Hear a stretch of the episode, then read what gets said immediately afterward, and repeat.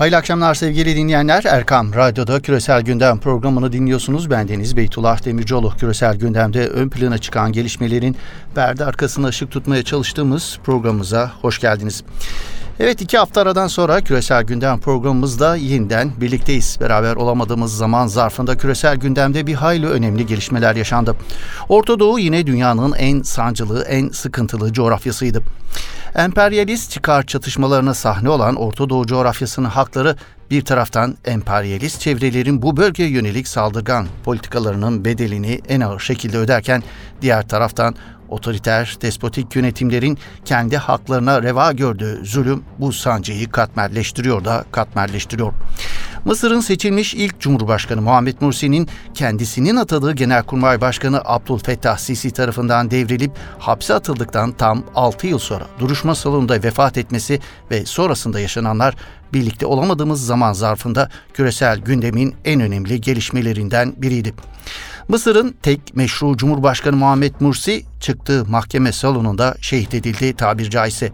Sisi'nin darbesi sonrası 2175 gününü Mısır zindanlarında esir olarak geçiren Mursi yaklaşık 6 yıldır junta zulmüne karşı izzetli bir direniş sergiliyordu.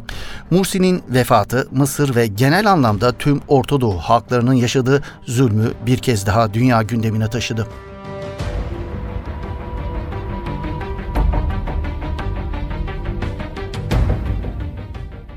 Muhammed Mursi, Ortadoğu coğrafyasının despotik yönetimlerinin zulmüne kurban verilen ilk lider değildi şüphesiz. Hasan el-Benna, Seyit el-Kutup ve daha niceleri Orta Doğu'nun despotik rejimlerinin gadrına uğrayan isimlerdi. Temenni etmeyiz ancak mevcut konjöktür sürdüğü müddetçe öyle gözüküyor ki Mursi katledilen siyasi liderlerin sonuncusu da olmayacak. Çünkü despotik yönetimlerini sürdürmek adına kaba gücü, zulmü, vahşeti araç haline getirmiş rejimlerin hakimiyeti despotizmi hüküm sürüyor Orta Doğu'nun çok geniş bir bölümünde. Mısır tarihinin gelmiş geçmiş ilk ve tek seçilmiş Cumhurbaşkanı olan Muhammed Mursi kanlı bir darbe ile devrilip 6 yıl boyunca kaldığı hücre ardına atılmadan önce şunları söylüyordu. Ülkenizin aslanlarını öldürmeyin. Düşmanlarınızın köpeklerine yem olursunuz. İslam dünyası olarak daha ne kadar aslanlarımızı öldürmeyi sürdüreceğiz. Evet despotik rejimlerini koruma adına vatandaşlarını acımasızca katleden, bu uğurda hapishanelerini tıka basa dolduran yönetimler yüzünden Orta Doğu bugün merhum Mursi'nin dediği gibi ne yazık ki düşmanlarının köpeklerine yem olmuş durumda. ABD öncülüğündeki Batı dünyası haklarından kopuk antidemokratik yönetimleri meşrulaştırmanın faturası olarak on yıllardır bölgenin kanını emiyor hem ekonomik hem de siyasi anlamda. Despotik rejimleri Batı emperyalizminin kendilerine dayattıkları politikaları kabul etmek zorunda bırakıyor. Mesela Mısır darbeden bu yana iyiden iyiye İsrail'in emrine girmiş bulunuyor. Darbe lideri Sisi ABD ve İsrail'in bir dediğini iki etmiyor. Sisi'nin ABD'nin Kudüs'ü İsrail'in başkenti Golan Tepelerini de İsrail toprağı olarak tanınmasına sessiz kaldığını hatırlatalım. Sadece Mısır mı? Siyon Mirası Dostları Merkezi Başkanı Mike Evans, Suudi Arabistan Veliaht Prensi Muhammed Bin Selman ile Birleşik Arap Emirlikleri Abu Dhabi Veliaht Prensi Muhammed Bin Zayed'in İsrail'e birçok Yahudiden daha fazla destek verdiğini söylemesi boşuna değil. Trump, Riyad yönetimini biz olmasak iki hafta içerisinde rejiminiz yok olur diye tehdit edip milyon dolarlık silahlar satıyor. Tüm bunlar İslam dünyasının düşmanlarının şehit Mürsi'nin dediği gibi tabir caizse affedersiniz ama köpeklerine yem olduğunun göstergesi olarak görülüyor.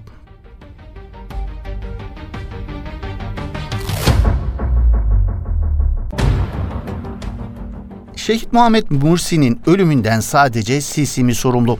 Orta Doğu'nun etkili haber sitelerinden Middle East Eye'in editörü David Harris, 6 yıl boyunca kaldığı hücrede yavaş yavaş öldürülen Mursi'nin ölümünden sadece Sisi'yi sorumlu tutmanın doğru olmadığını, sadece Sisi'nin değil darbe sürecinden bu yana tüm olup bitenlere izin verenlerin de sorumlu tutulması gerektiğine dikkat çekiyor. El hak yerinde bir tespit. Mursi iktidarını el birliğiyle deviren yerel ve uluslararası çevreler bu cinayetten en az Sisi yönetimi kadar zan altındalar.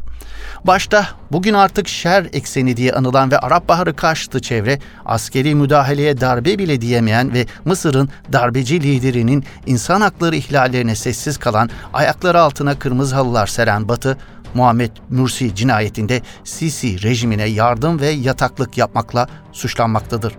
Bu yüzden Batı dünyası Mursi'nin vefatına sessiz kalarak tüm insani söylemlerinin laftan ibaret olduğunu göstermiştir. Mursi'nin devrilmesinde Birleşik Arap Emirlikleri ile birlikte başat rol oynayan Suudi Arabistan Dışişleri Bakanlığı, Mursi'nin mahkemede hayatını kaybettiği gün resmi sosyal medya hesabı üzerinden Muhammed Mursi'nin üyesi olduğu ihvanı hedef alan paylaşımda bulunmuş Müslüman kardeşleri terör kaynağı olarak göstermişti.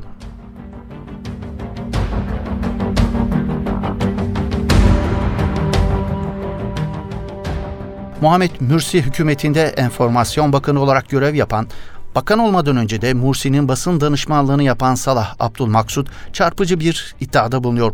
Abdülmaksud Mursi hükümeti döneminde dış güçlerin muhalif medyaya 1 milyar dolar aktardığını söylüyor. Abdülmaksut muhalif medyanın yalanlarına karşılık verebiliyorduk. Fakat karşılık veremediğimiz bir şeyle ortaya çıktılar. Askeri üzerimize sürdüler. Tanka, topa, tüfeğe neyle karşılık verecektik diyerek Mursi ve arkadaşlarının ve dolayısıyla Mısır halkının yaşadığı zorluğa işaret ediyor.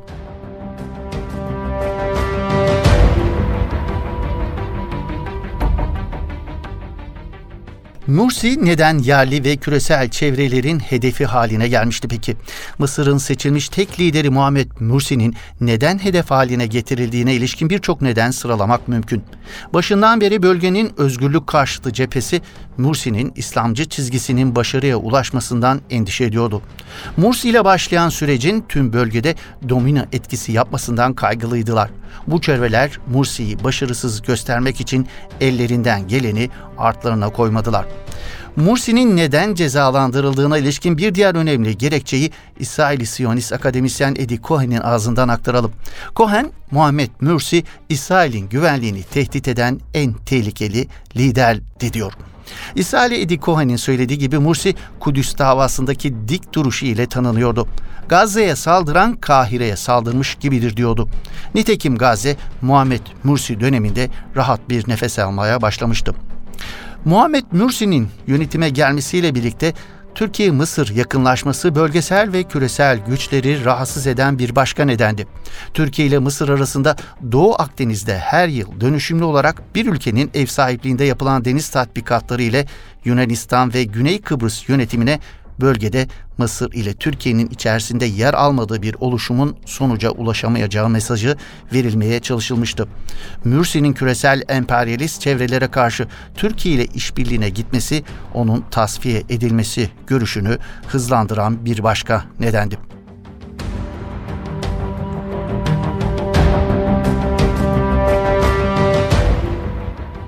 Evet küresel gündemin sıcak maddelerinden bir diğeri Körfez'deki gerilim sevgili dinleyenler. Malum ABD'nin İran ile imzalanan nükleer anlaşmadan tek taraflı çekilmesinden bu yana taraflar arasındaki tansiyon bir hayli yüksek. Hürmüz Boğazı'nda petrol tankerlerine yönelik saldırılar ve ardından İran'ın geçen hafta ABD'ye ait bir İHA'yı düşürmesinin ardından bu tansiyon çok daha yükselmiş durumda. ABD Başkanı Trump, ABD İHA'sının düşürülmesinin ardından İran'ın vurulması emrini son anda iptal ettiğini söyledi. ABD'nin ya da Trump'ın İran'ı neden vurmaktan vazgeçtiği bugünlerde tartışılıyor. Tehdit niteliğinde birçok açıklamalar yapan ABD, İran'ı neden vurmadı ya da vuramadı. Trump'ın İran'da tespit ettiğimiz yerleri vursaydık 150 kişi ölürdü gerekçesinin pek de ikna edici bulunmadığını söylememiz gerekiyor. Trump'ın Twitter üzerinden İran'a esip gürleyip bir türlü yağmaması İran tehdidini kullanıp milyar dolarlık silahlar sattığı Körfez'deki müttefiklerinin canını bir hayli sıktığını söylememiz gerekiyor yine. Trump Körfez'deki müttefiklerinin canını sıkan başka şeyler daha söylüyor. Mesela şayet Tahran yönetimi nükleer silah üretme niyetinden vazgeçerse ABD ve İran'ın yeniden dost olacağını, İran'ın eski güçlü müreffeh güllerine dönebileceğini de söylüyor Donald Trump. Körfez'deki müttefikleri açısından gerçekten de can sıkıcı bir açıklama bunlar. Peki ABD şayet dar kapsamlı da olsa İran'ın bir şekilde vurulması gerektiğini savunan Körfez'deki müttefiklerinin arzusunu yerine getirirse ne olur? Aslında bu durumda İran ile birlikte canı yanacak olan ABD'den daha çok körfez ülkeleri olacağı dillendiriliyor. Çünkü bu durumda İran'ın hedefindeki en yakın ülkeler onlar olacak.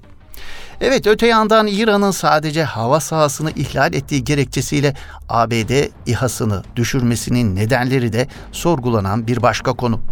Oysa aynı İran, İsrail'in Suriye'deki İran hedeflerine yönelik saldırılarına hem de önemli oranda askerini kaybetmesine rağmen karşılık vermemişti. Peki neden? Bu noktada dile getiren gerekçelerden bir tanesi oldukça ilginç. İsrail, İran'ın Suriye'deki hedeflerini Tahran'ın Suriye'deki ortağı Rusya'nın onayıyla bombalamıştı. ABD İHA'sını vuran İran'ın ise bunu Rusya'nın teknik desteğiyle yaptığı yönündeki iddialar oldukça dikkat çekici.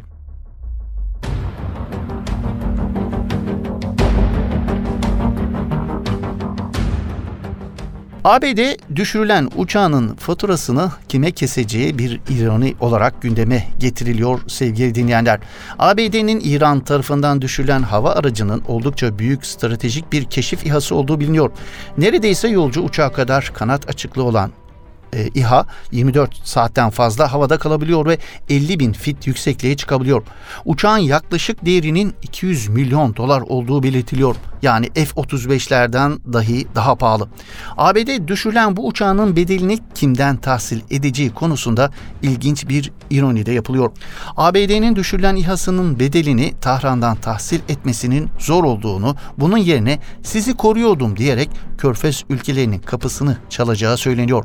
Neticede Trump Körfez'den nasıl tahsilat yapacağını çok iyi bildiği vurgulanıyor. Kral Selman'dan bir telefonda 500 milyon dolar aldığını nasıl ballandıra banlandıra anlattığı vurgulanıyor bu anlamda.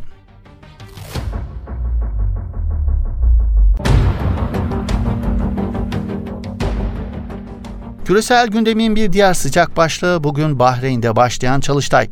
Trump'ın Orta Doğu'ya barış getireceğini öne sürdüğü 100 yılın anlaşması planının ilk ayağı niteliğindeki ve Bahreyn'in başkenti Manama'da başlayan çalıştaya dünya genelinde büyük tepki var.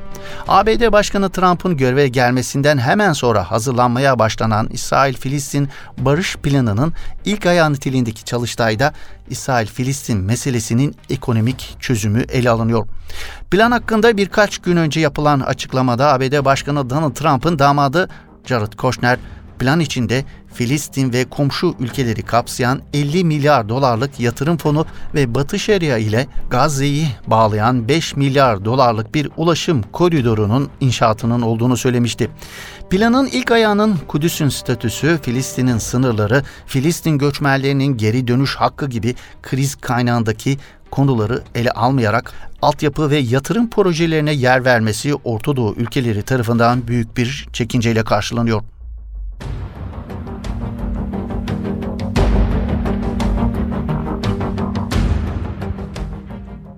ABD ve Bahreyn'in öncülük ettiği çalıştaya Filistin yönetimi katılmayacağını açıklamıştı. Bölge ülkelerini de söz konusu çalıştayı boykot etmeye çağırmıştı. Filistin yönetiminin bu çağrısına rağmen Birleşik Arap Emirlikleri, Suudi Arabistan ve Katar'ın Manama'daki çalıştaya katılacağı duyurmuştu. İsrail basına konuşan ve adı açıklanmayan Beyaz Saray'dan bir yetkili de Ürdün, Mısır ve Fas'ın çalıştaya katılacaklarını Washington'a ilettiğini dile getirmişti. İsrail Dışişleri Bakanı İsrail Katz ülkesinin Bahreyn'deki çalıştaya katılacağını duyursa da daha sonra bu bilgi Beyaz Saray'dan yapılan açıklamayla reddedilmişti. Lübnan ve Irak'ın yanı sıra Çin ile Rusya ise Manama'daki çalıştaya katılmayacağını açıkladı. ABD'nin İsrail-Filistin meselesine çözüm bulmak iddiasıyla hazırladığı ve 100 yılın anlaşması olarak nitelenen planın ekonomi paketi Filistinlerin lehine gibi gözükse de planın siyasi ayağının Filistin davasını ortadan kaldırmayı hedeflediği dillendiriliyor. Donald Trump ABD başkanlık koltuğuna oturduğu 2017'den bu yana İsrail yanlısı kararlarıyla dünya kamuoyunu oldukça meşgul etti.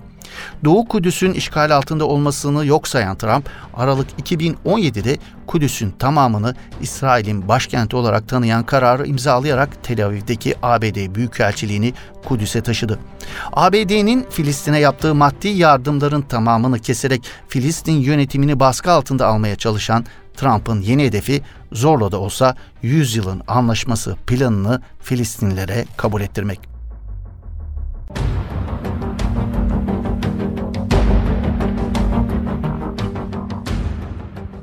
Planın ekonomi ayağı geçen hafta Beyaz Saray'dan yapılan yazılı bir açıklamayla kamuoyuna duyurulmuştu. Bu pakette Filistin ve komşu ülkeleri kapsayan 50 milyar dolardan fazla yatırım fonu bulunuyor. Söz konusu yatırımların 28 milyar dolarlık kısmını işgal altındaki Batı Şeria ve abluk altındaki Gazze şeridine 9 milyar dolarının Mısır'a 7,5 milyar dolarının Ürdün'e ve 6 milyar dolarının da Lübnan'a yapılması planlanıyor. Paket sayesinde 147'si Batı Şeria ve Gazze'de olmak üzere 179 ekonomik kalkınma projesinin hayata geçirilmesi hedefleniyor. Filistin ekonomisine ivme kazandıracağı iddia edilen projelerin finansmanının başta Suudi Arabistan, Katar ve Birleşik Arap Emirlikleri olmak üzere büyük ölçüde Körfez ülkelerince karşılanacağı belirtiliyor.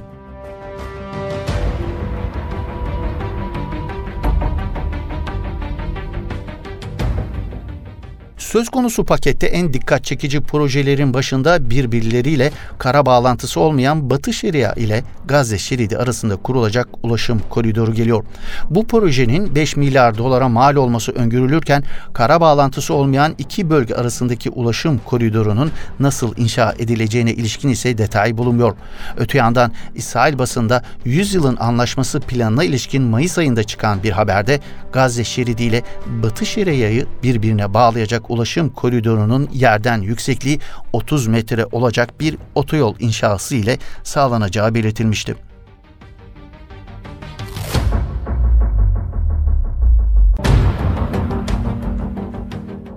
Evet her ne kadar yüzyılın anlaşması planının Filistin'in lehine olan birçok yatırımı içerse de ne zaman açıklanacağı belli olmayan siyasi ayağının Filistin halkının birçok hakkını elinden almayı öngörüyor.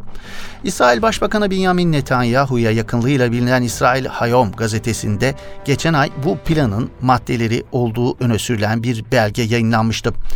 Gazetenin haberine göre plan kapsamında İsrail, Filistin Kurtuluş Örgütü ve Hamas arasında güçlü bir anlaşma imzalanacak.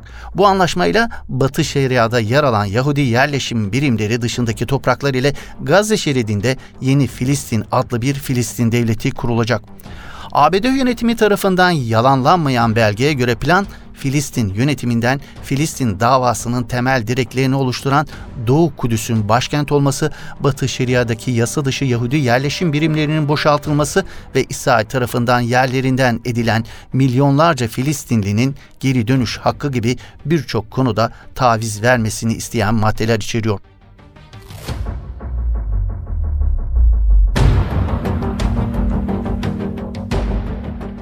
Filistin yönetiminin Yüzyılın anlaşması planına karşı çıkmasının ana nedenlerinden birinin Batı Şeria'daki 250 yakın yasa dışı Yahudi yerleşim birimlerinin ne olacağı konusu olduğu belirtiliyor. Filistin 400 binden fazla yasa dışı Yahudi yerleşimcinin kaldığı bir yerleşim birimlerinin boşaltılmasını isterken İsrail tarafı ise buna karşı çıkıyor. İsrail gazetesi İsrail Hayohum'un haberine göre Batı Şeria'daki büyük Yahudi yerleşim birimleri bugün olduğu gibi İsrail'in elinde kalacak. Bu yerleşim birimlerine yeni Batı Şeria'daki izole yerleşim birimleri de katılacak ve böylece izole yerleşim birimlerine ulaşmak için büyük yerleşim birimlerinin alanları genişletilecek. Filistin yönetimi barışın yolunun 1967 yılı sınırlarında başkenti Doğu Kudüs olan bağımsız Filistin'den geçtiğini sık sık dile getiriyor. İsrail ise 1967'de işgal ettiği Doğu Kudüs dahil olmak üzere Kudüs'ün tamamının İsrail'in başkenti olduğunu iddia ediyor ve bundan geri adım atılmayacağını ifade ediyor. İsrail gazetesinin yayınladığı belgeye göre Kudüs, İsrail ile yeni Filistin arasında bölünmeyecek ve paylaşılmayacak ancak her iki devletin de başkenti sayılacak. Ayrıca Kudüs'te yaşayan Araplar yeni Filistin devletinin vatandaşları olacak. Yüzyılın Anlaşması planında en çok merak edilen konulardan biri de İsrail'in 1948'den bu yana yerlerinden ettiği Filistinlilerin evlerine dönüşüne izin verip vermeyeceğiydi. Söz konusu planın detaylarına ilişkin uluslararası basında çıkan haberlere göre yüzyılın anlaşması planında birçoğu Ürdün, Lübnan ve Suriye gibi komşu ülkelerde yaşayan 5 milyondan fazla Filistinli mülteci konusuna değinilmiyor. Bu nedenle ABD yönetiminin bu planla Filistinli mültecilerin evlerine geri dönüş hakkını görmezden geldiği yorumları yapılıyor.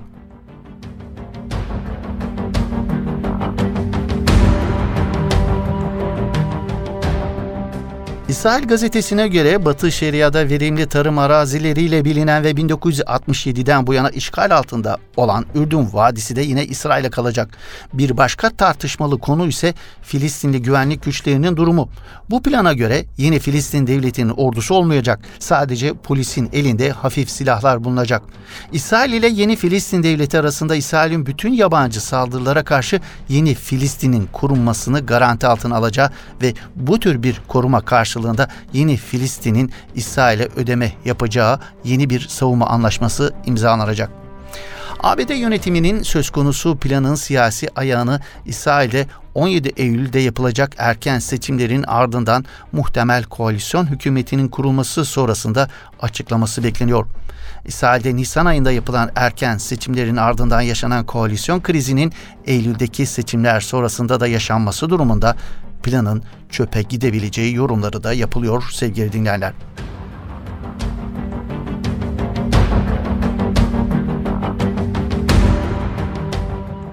Bahreyn'in başkenti Manama'da yüzyılın anlaşmasının ilk etabı olarak nitelendirilen Çalıştay çalışmalarını sürdürürken bugün Mısır Dışişleri Bakanı Samih Şükrü'den ABD'lileri kızdıracak nitelikte bir takım açıklamalar geldi.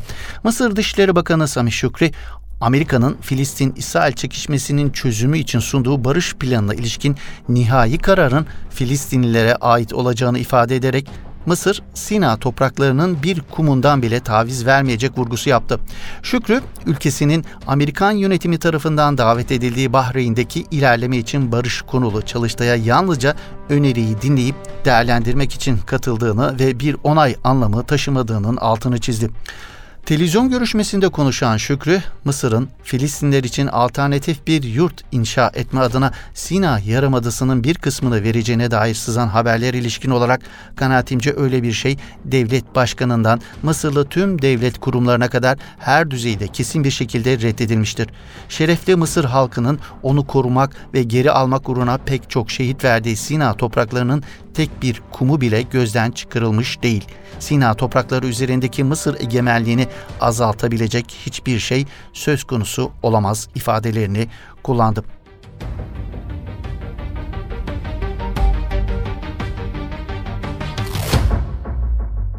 İngiliz yayın kuruluşu BBC, Orta Doğu'da yaptırdığı bir araştırma sonuçları uluslararası medyada bir hayli yankı uyandıran haberler arasında sevgili dinleyenler. Özellikle Arap Baharı sonrası karşı devrimci diye nitelendirilen, bugün ise şer ekseni diye de tanımlanan Suudi Arabistan, Birleşik Arap Emirlikleri, Bahreyn ve Mısır yoğun bir Türkiye karşıtlığı kampanyası yürütüyorlardı. Söz konusu ülkelerin yazılı ve görsel medyası ve bu yayın organlarına bağlı sosyal medya trollerinin Türkiye ve onun liderliğine yönelik uzun bir zamandır inanılmaz bir karalama ve iftira kampanyası yürütüyorlardı sevgili dinleyenler.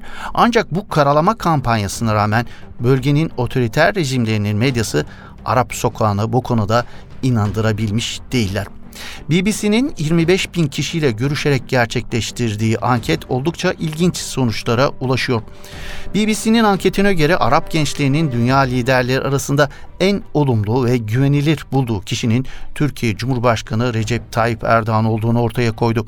Ankete katılan Arap gençlerinin Cumhurbaşkanı Erdoğan'ın politika ve dine olan bakışını olumlu ve güvenilir bulanların oranı %51 civarında olurken Erdoğan'ı %28 oranıyla Rusya Devlet Başkanı Putin, Putin'i de %12 oranla ABD Başkanı Trump'ın takip ettiği gözlendi. Anketin çarpıcı bir diğer sonucu ise dini liderlikte güvensizlik düzeyinde bir artış olduğu ve 2012 ile 2014 yıllarında kendini dindar bulmayanların oranı %11 iken bu yıl bu oranın %18'e çıktığı gözlemlendi. Araştırmaya Cezayir, Mısır, Irak, Ürdün, Filistin, Fas, Libya, Lübnan, Tunus ve Yemen vatandaşları katılmış. Ankete katılan ülkelerin çoğunda ABD'ye yönelik şiddetin bölgede yaşananların bir sonucu olduğu söylenmiş.